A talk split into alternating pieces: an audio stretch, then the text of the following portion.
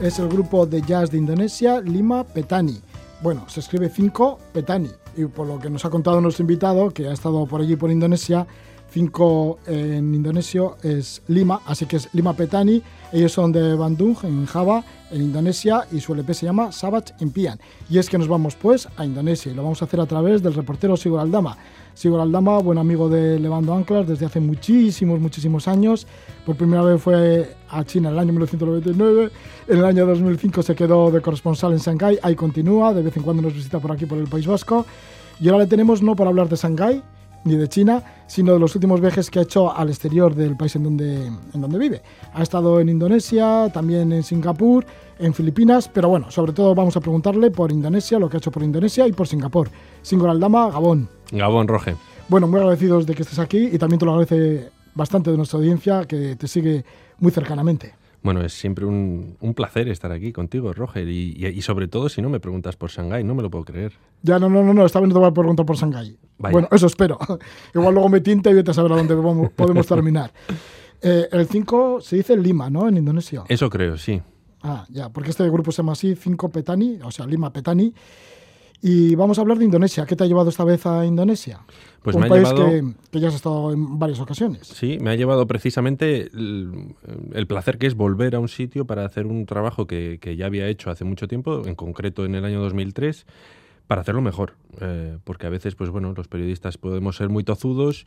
En aquel momento no me quedé muy satisfecho con, con ese trabajo que que bueno, pues eh, trataba de recoger una de las peculiares costumbres que tienen los Toraja eh, y que es precisamente un, bueno, pues una costumbre relacionada con la muerte. Es un tema un poco, un poco macabro. Así que de nuevo te has acercado a la isla de Sulawesi y allí están los Toraja que son famosos en todo el mundo por los funerales que hacen. Bueno, cuando los hacen, porque el muerto igual puede estar esperando al funeral hasta ¿cuánto? Pues eh, hemos encontrado uno que lleva 30 años esperando. 30 años esperando. ¿Y en dónde espera? quedado, ¿eh? ¿En dónde espera el muerto? En el ataúd. ¿En el ataúd? Sí. ¿Y el ataúd? ¿En dónde está? En su casa. ¿En su casa? Sí. ¿Con la familia? Con la familia.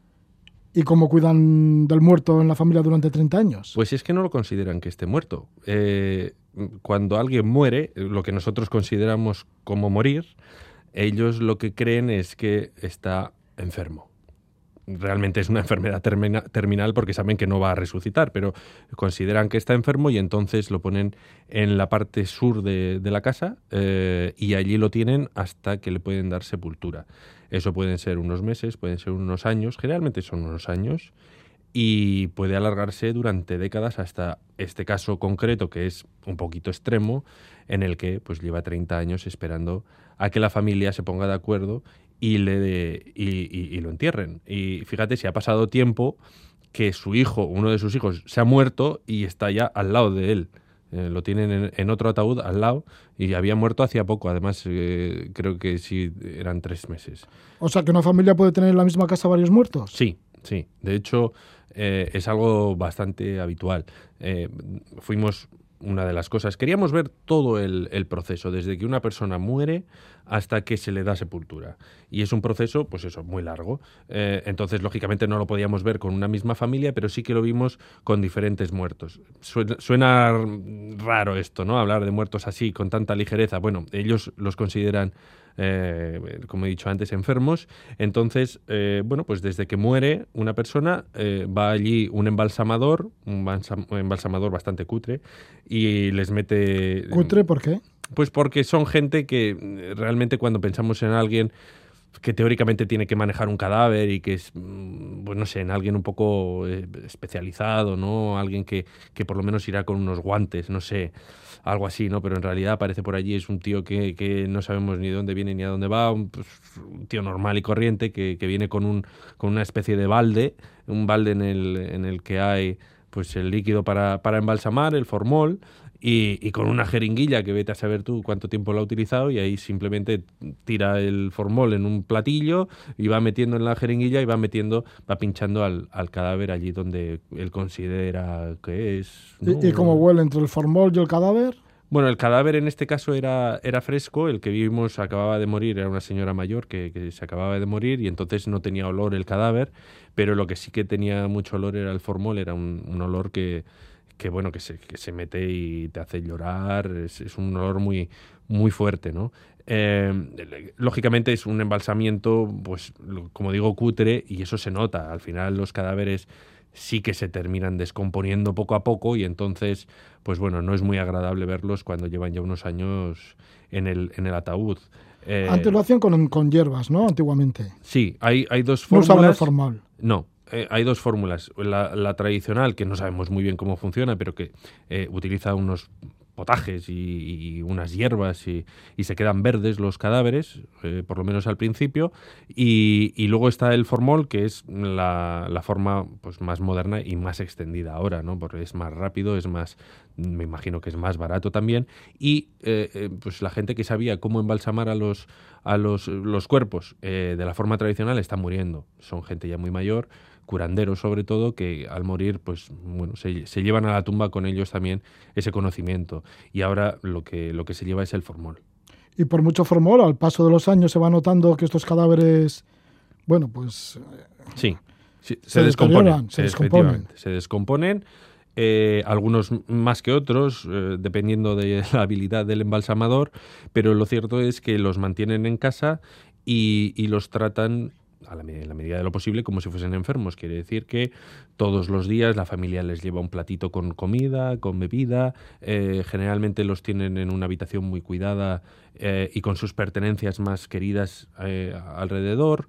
De hecho, estuvimos en casa de, de, una, de una pareja bueno, bastante mayor en la que había muerto la, la mujer y el marido seguía llevándole, ¿no? y seguía incluso pintándole los labios y poniéndole, poniéndole maquillaje. Eh, fuimos allí y, rompió a llorar a pesar de que llevaba dos años muerta. Entonces eh, yo pensaba que igual el hecho de, haber tenido tanto tiempo para hacerte la idea de que tu ser querido ha muerto, pues eso aliviaba un poco el sentimiento, pero mm, vimos muchas muestras de que no es así, de que eh, precisamente tener a la persona a la que quieres ahí al lado pues es, es, doloroso, ¿no? Y cuando en este caso mm, fuimos a un, a un funeral en el que eh, se enterró a dos personas que eran una pareja. Eh, ella había muerto hacía cinco años, él hacía un año.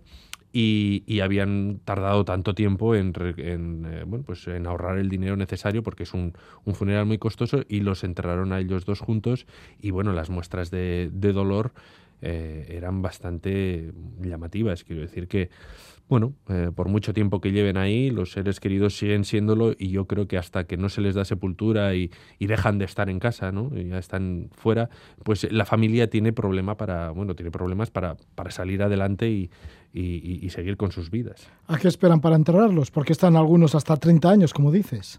Hay dos cosas. Eh, por un lado es el, el sacrificio económico que hay que hacer porque son unos funerales muy costosos se invita a muchísima gente, y eso muchísima gente pueden ser cientos de personas o incluso miles en algunos casos, se crea toda una especie de, se construye una especie de, pueblo temporal para acoger a toda esta gente eh, y luego eh, hay un, lógicamente hay que dar de comer a toda esta gente y eso supone el sacrificio de multitud de animales, eh, todo tipo de animales, sobre todo cerdos, pollos y búfalos. Los búfalos son eh, tienen casi propiedades sagradas y entonces eh, un funeral que se precie tiene que sacrificar por lo menos 24 eh, búfalos.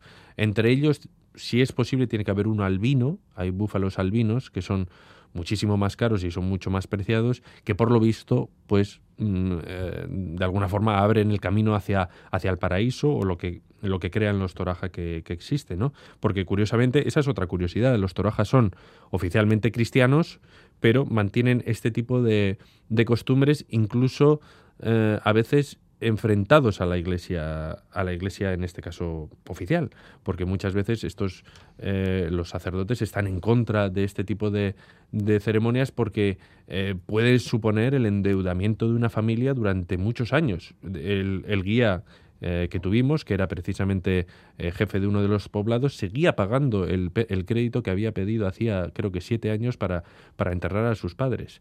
Entonces es un, es un sacrificio económico. Es que ya solo la matanza, la compra de 20, de 20 búfalos y luego la matanza es una sangría total. Porque de, esto, de esto ya nos contasteis cuando estuvisteis en el año 2003 por allí, ¿no? Ya nos contaste. Y, y, en el 2003 estuviste justamente en ese funeral, ¿no? En la matanza de los búfalos y demás. Y ahora, bueno, pues has ido a comprobar, después de 15 años, has ido a comprobar cómo es todo el proceso, ¿no? Desde, desde el principio, desde que llega el muerto a la casa y cómo conviven con el muerto los familiares y demás. Y pueden ser hasta 100.000 euros tranquilamente el, el costo del, del funeral, que para nosotros ya es un dineral y para ellos es todavía mucho más.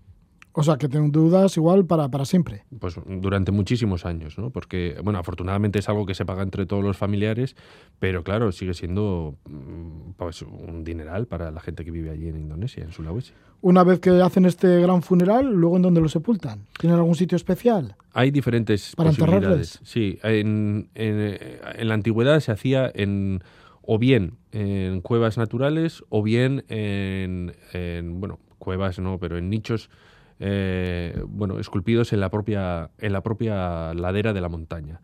Ahora generalmente se hace o bien en esas cuevas naturales o en, en tumbas mm, como las nuestras más tradicionales. Eh, lo que no se hace es eh, incinerar los cuerpos. Eso es algo que no se hace.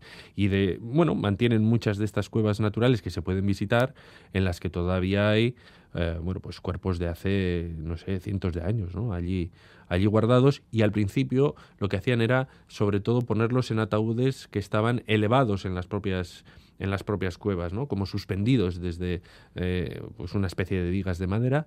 Eh, y a los niños, eh, a los niños que morían en, bueno, hace mucho tiempo ya no se hace, pero se les metía en los troncos de los árboles. Has estado tres semanas ahora en Indonesia, diez días justamente con, con esta zona de los Tana, Toyara, Tana Toraja, en Sulawesi. ¿Cómo ha sido pues, el, el día a día también? Bueno, aparte del reportaje que has hecho para ver cómo se mantienen vivos, entre comillas, a estos muertos en, en, las familias, cómo se ha hecho para convivir con ellas, para estar allí, cómo era el paisaje también, porque nos imaginamos el típico paisaje tropical, ¿no? Con arrozales mm. y demás. Sí, bueno, una de las de las eh, cosas más interesantes siempre a la hora de viajar allí es estar con la gente, ¿no? Y entonces lo que hicimos fue quedarnos con la familia de, de este jefe del, del, poblado en una de las casas. ¿Que fuiste con Joana? Que fui con Joana. Joana, que es de Shanghái. Joana, que es de Shanghái, no. ¿No es de Shanghái? No es de Shanghái. Bueno, que Iván está aquí. Está aquí, pero, pero no es de Shanghái, es de Nanjing. Todavía no hemos conseguido hacerle una entrevista, pero bueno. ¿Cómo que no? Una vez sí que habló aquí en inglés. ¿Ah, sí? Sí, ¿En Roge. inglés? Ay, ay, ay. Ah, bueno, es verdad, sí, sí, sí. Una de las primeras, ¿no? La primera vez. Sí, yo creo que a partir de ahí ya dijo, uy. Ya bueno, pero por lo menos está aquí presente y nos está escuchando. Ah, entonces no, Joana no es de Shanghái, no es de Shanghái. No es de Shanghái, es de Nanjing, que está a una hora y media de, de Shanghái en tren bala. Ah, vale, vale, vale. Muy bien. Bueno, pues total que fuisteis allí a, lo, a la zona de los Tanatoraya y cómo os acogieron y cómo convivisteis con ellos. Muy bien, la verdad es que aparte de estar viviendo en, en una casa tradicional de los Toraya, en un toncorán de estos de madera que son muy, muy espectaculares porque tienen una, una forma de, de barca, eh, la verdad es que bueno, todas las familias nos acogieron fenomenal. Eh, a pesar de que se trata de un tema bastante, yo consideraba que podía ser un poco peliagudo, ¿no? Es entrar en un momento bueno, pues eh, a ver a, a, tus muertos, pues realmente yo pensaba que iba a ser más complicado, pero no. Eh, generalmente la acogida siempre es muy agradable. Eh, nos llovía todos los días por la tarde, es un, es un típico clima tropical en el que por la mañana tenemos un sol y radiante y, y, una temperatura muy elevada y luego, sin embargo, a partir de las 2 de las 3 de, de la tarde empieza ahí a, a, jarrear, pero, pero bien, con gusto, con ganas. Así que, bueno, pues eh, las horas de trabajo eran sobre todo por la mañana y luego teníamos que trabajar en interiores porque o eso o salíamos en barca.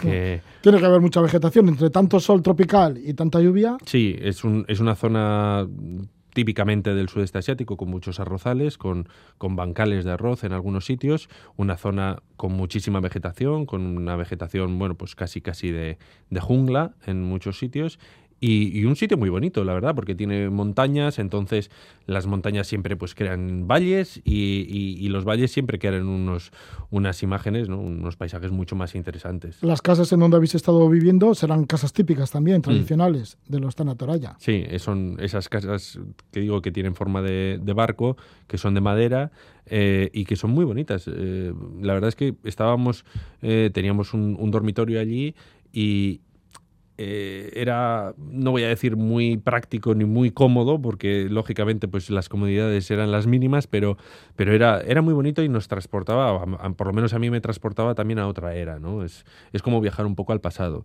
Lo, lo único es que a las 5 de la mañana había una sinfonía animal que, que, vamos, que no, no había forma de, de, dormir a partir de las 5 de la mañana porque parecía que se ponían todos de acuerdo, los gallos, los perros, los cerdos, todos, todos.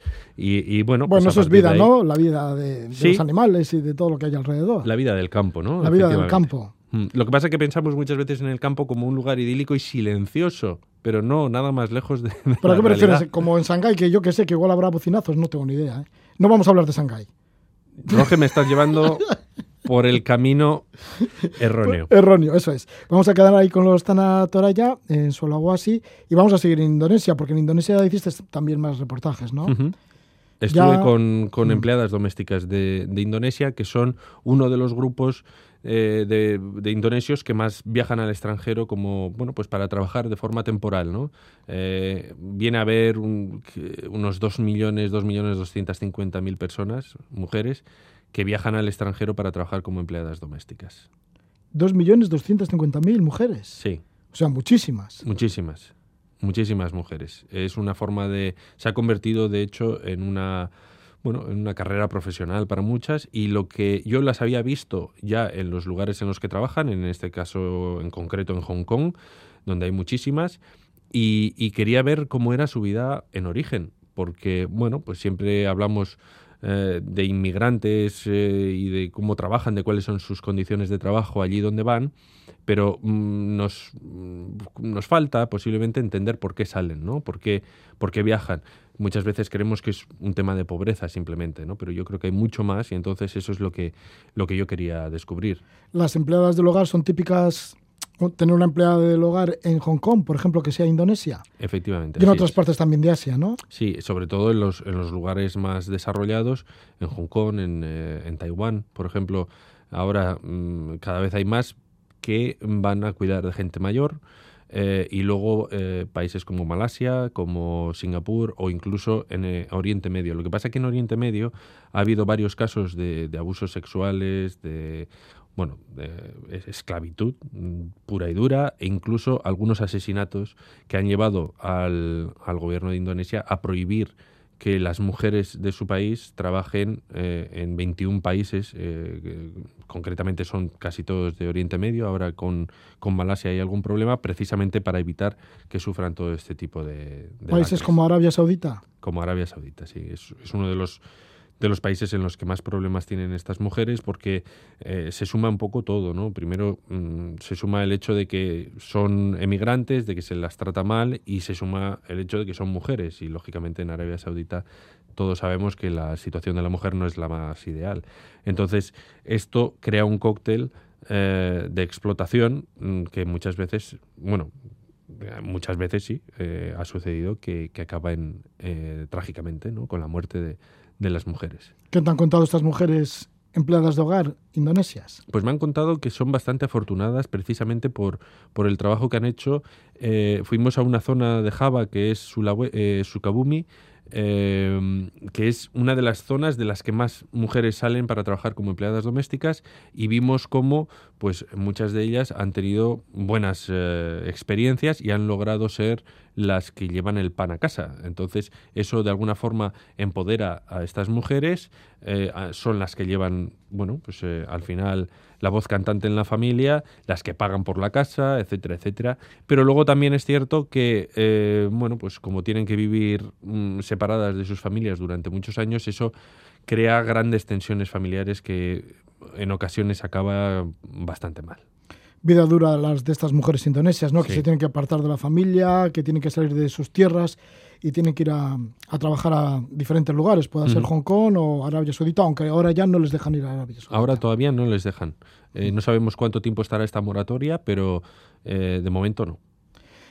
Sí que van a Singapur. Van a Singapur, sí. Vamos a hablar también de Singapur, que también has estado nuevamente por allí. Uh -huh. Singapur, que lo conoces bastante de tantas veces que has estado por allí. Sí. Antes ibas anualmente, ¿no? Por Singapur. Sí, porque era, es como Hong Kong un poco, es, es un punto neurálgico en el, en el sudeste asiático. Es un lugar es un, que está estra estratégicamente puesto ahí en la puntita de Malasia y antes de, llegar a Indonesia y entonces volar allí y desde allí a otros sitios era, bueno, pues es, es, muy sencillo y además hay muchas conexiones. Al final uno termina pasando por ahí mm, sí o sí. Y lo que pasa es que no sé qué ha sucedido desde el año 2010, que es cuando estuve la última vez, eh, que yo creo que me he movido por otros lugares o que posiblemente las conexiones con Shanghái han, han mejorado mucho y ya no, no he tenido necesidad de ir a Singapur, que al final es una isla, es una ciudad-estado eh, que tampoco tiene tantísimas cosas interesantes. ¿no? Eh, lo que pasa es que en ocho años sí que ha cambiado mucho la ciudad. Sí, porque debe ser que has notado la ciudad como que ha ido mucho al tema del medio ambiente, al tema de la sostenibilidad en los últimos tiempos. es, una, es una ciudad, al final, muy desarrollada, eh, tiene un nivel de vida superior al nuestro. Eh, lo que pasa es que tiene, bueno, pues tiene muy pocos recursos. Entonces, desde el primer momento, cuando se independizó en el año 1965, que era un lugar al que yo creo que nadie quería ir, vamos, un lugar bastante desagradable, eh, y que no tenía absolutamente nada, los gobernantes, hay que decir que es un sistema más o menos autoritario, los gobernantes sí que tuvieron la visión de, de construir allí un gran puerto y hacer de Singapur un gran centro financiero como, como ha sido Hong Kong eh, puerta de entrada a China. ¿no?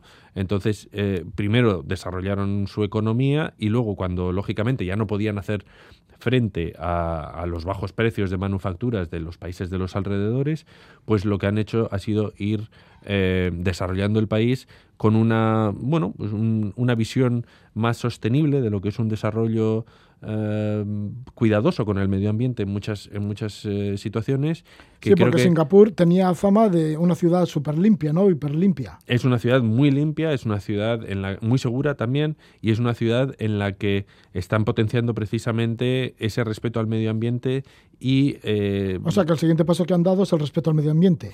¿Hay zonas protegidas? Hay zonas protegidas, a pesar de que es una isla y es una isla muy pequeñita, hay muchas zonas protegidas, han creado también el primer zoológico abierto del, del mundo, en el que muchas de las especies están sueltas. De hecho, había había unos orangutanes por allí que se pasean por allí y están libres. Que yo digo, pues, por la ciudad, por Singapur. Bueno, están por el zoo, no sé si podrán salir, pero eh, lógicamente con todos esos árboles tan grandes, yo no sé, no sé cómo los controlan, pero estaban de un lado para otro por todo el zoo y me imagino que, no sé, algún tipo de control tiene que haber. Lógicamente no van a aparecer en el centro de Singapur, pero sí que es cierto que mm, hay una, una intención de, preservar el, el, medio ambiente y de, de alguna forma ser sostenible, ¿no? El agua por ejemplo, fue uno de los grandes problemas de Singapur y, cómo conservar el agua, eh, cómo bueno atraparla, cómo eh, reciclarla y todo eso fue uno de los grandes proyectos eh, bueno urbanísticos de, la ciudad. ¿Cómo lo hacen?